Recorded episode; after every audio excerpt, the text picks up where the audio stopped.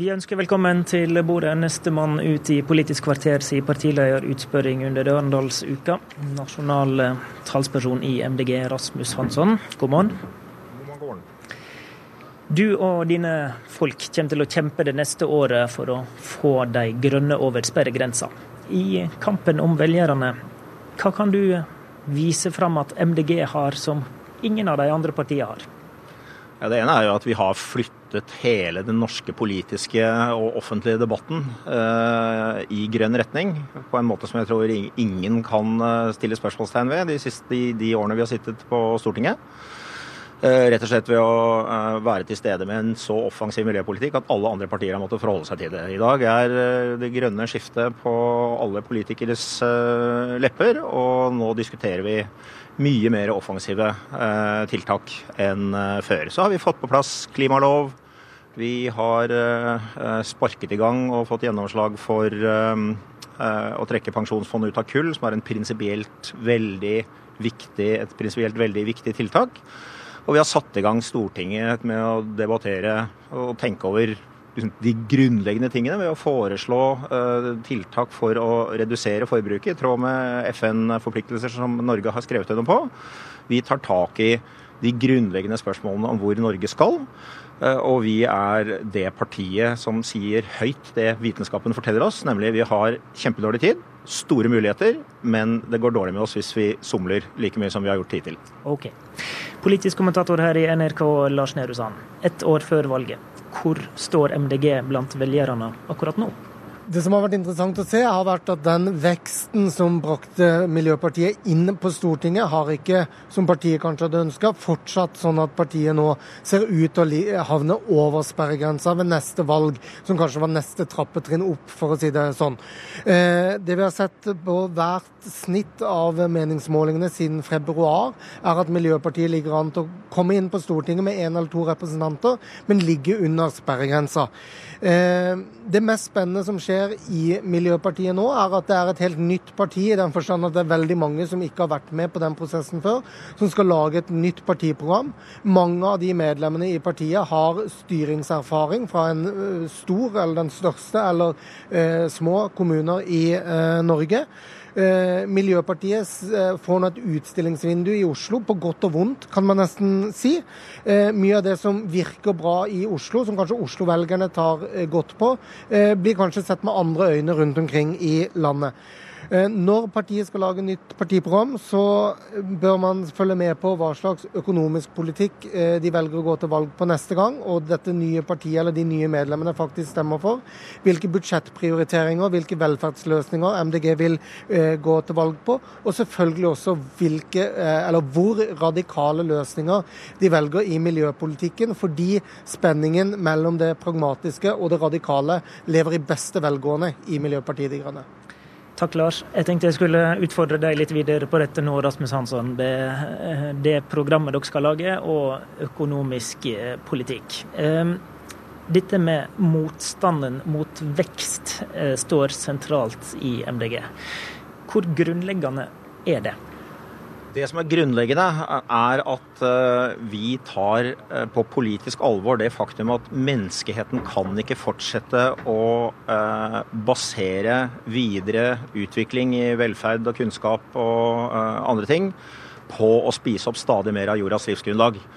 Den epoken er over. Vi må klare å lage utvikling innen velferd, innen kunnskap, innen livskvalitet uten å spise opp resten av jordas miljø, fordi det kommer til å slå så hardt tilbake på oss at det er helt uansvarlig. Mm. Men for å stille et veldig grunnleggende spørsmål ja, Bare for å fullføre det. Ja, Vår definisjon av vekst er vekst i alt som ikke spiser opp resten av jordas ressurser. Vi skal ha mer kunnskap, vi skal ha bedre livskvalitet, vi skal ha mer trygghet for flere mennesker, vi skal ha smartere løsninger, men vi kan ikke gjøre det ved å ødelegge resten av naturen, resten av klimaet, resten av livsgrunnlaget. Eh, og det er det som er vår utfordring til andre partier, som tror at de kan fortsette på den gamle måten og få det nye. Det tar de feil i. Det kommer vi til å jobbe steinhardt politisk for å bringe inn i alle politikeres og alle nordmenns hoder. Men er det umulig å ha økonomisk vekst som er bærekraftig for kloden? Nei, det er uh, i prinsippet mulig hvis man klarer å lage en økonomisk vekst som samtidig fører til at uh, mens veksten øker, så går utslipp uh, og miljøødeleggelse tilsvarende bratt nedover. Da kan man tenke seg en, en, en miljønøytral vekst. Problemet er at det har vi visst lenge. Eh, men det er absolutt ingenting i norsk politikk eller i politikk i, uh, på internasjonalt plan som tyder på at vi er i stand til å lage den typen grønn uh, og miljø- og klimanøytral vekst som folk skryter av. Så derfor blir ditt svar at veksten må ned? Altså at vi ikke skal ha vekst lenger? Vårt svar er at fokuset kan ikke eh, lenger privært være økonomisk vekst. Fokuset må være vekst i sosial velferd, vekst i, uh, i kvaliteten på måten vi behandler ressurser på, vekst i kunnskap, uh, teknologi og utvikling. Men ikke basert på en økonomisk vekst som forutsetter at vi spiser opp enda mer av livsmiljøet, ødelegger klimaet enda mer, som vi gjør i dag. Den dagen noen kan vise en økonomisk vekst som ikke spiser opp verden, Vel, så er ikke det noe problem for Miljøpartiet De Grønne. Men, men vi er det partiet som, som helt tror at Nei, altså vi har mange hundre års menneskelig historie bak oss som viser uh, at det er en for hard sammenheng mellom uh, fokuset på økonomisk vekst og ødeleggelsen av livsgrunnlaget. Og, er altså, og det vet vi fra forskning over hele verden, kommet til det punktet hvor det er en utvikling som ikke kan fortsette, fordi de menneskelige kostnadene ved det vil bli altfor store. Så i deres kommende partiprogram så vil det da stå at eh, økonomien i Norge skal ikke vokse mer? Hva som kommer til å stå i vårt kommende partiprogram, eh, det eh, vet vi når landsmøtet i, i april har stemt ferdig. Jeg mener at det skal stå ca. det jeg sa, at vi er nødt til å få en, en fordomsfri og aktiv debatt om et nåværende økonomisk system som går bananas hvis de ikke får lov til å vokse med flere prosent hvert år, og skaper store sosiale problemer eh, og skaper store miljøproblemer pga. en helt enøyd vekstmekanisme. Vi må ha inn den sosiale bærekraften, vi må ha inn eh, ressursbalansen i eh, budsjettet. Og så kan økonomien være en del av det, men ikke den enerådende faktoren. Vi får se i april da, hva det blir formulert om dette. Det står sikkert ikke at Norge skal gå bananas, iallfall. Det kan du være sikker på. Vi har um, tidligere i dag snakka med ungdommen Ehm, om eh, velferden i framtida. Ehm, og din ungdomspartileder Lage Nøst sa på ehm, debatten i Kulturhuset i Arendal i går at han håper partiet, altså MDG, i programmet sitt kan vise at dere er villige til å stramme inn livremma og f.eks. behovsprøve noen velferdsordninger. Han nevnte barnetrygd som eksempel. Følger du han?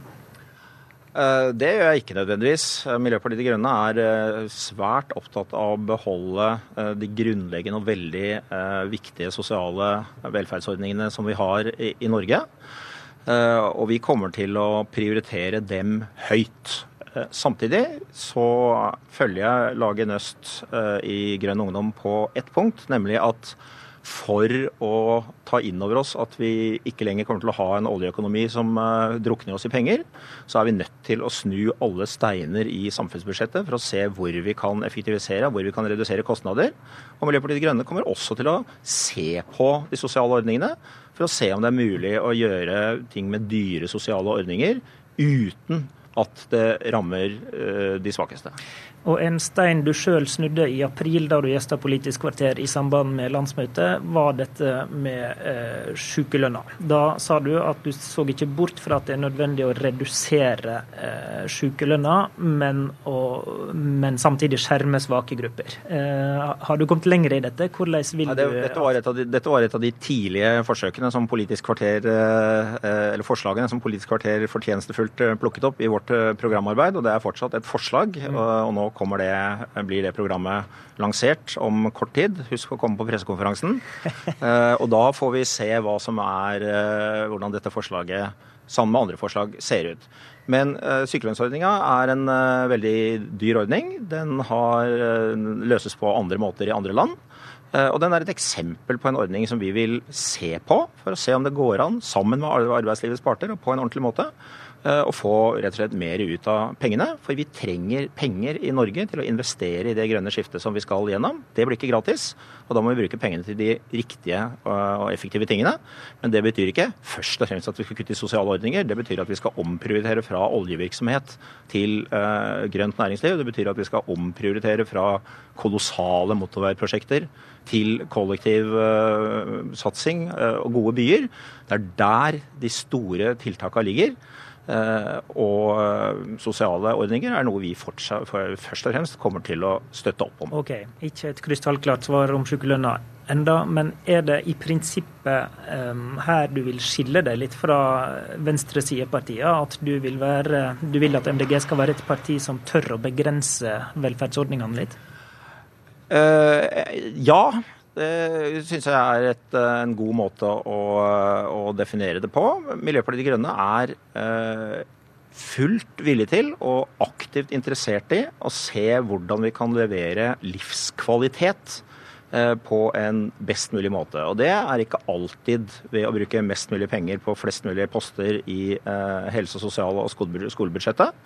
Eh, det er først og fremst å legge til rette sånn at folk kan leve gode liv selv. Eh, og så skal vi altså sørge for eh, og kanskje til og med klare å forbedre eh, sikkerhetsnettet for de som kommer dårligst ut i dagens ordninger. Og der er nok vi mindre dogmatiske enn partier ute på venstresida. Før det gjorde vi et partilederintervju med Trine Skei Grande her. Hun vil at grønne avgifter skal veksles inn i skattelette. Hvorfor er det feil medisin? Det er feil medisin fordi poenget med grønne avgifter og skatter, som vi er veldig glad for at det nå eh, i, også i eh, regjeringskretser og Venstre er en stor diskusjon om, det er å drive fram atferdsendring, fjerne forurensning og drive fram bedre teknologi. Og Det betyr at det er overgangsordninger.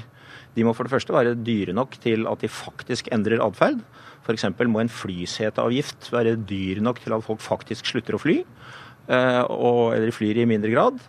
Og så vil de etter en, etter en stund forsvinne. Ja, Enig i at det ble et langt svar. Poenget er du kan, ikke, du kan i liten grad finansiere permanente ordninger mm. med eh, grønne skatter og avgifter hvis de har det formålet de skal ha, nemlig å fjerne forurensning eller endre atferd. Fordi poenget med dem er at eh, når det prosjektet er gjennomført, så er avgiften borte.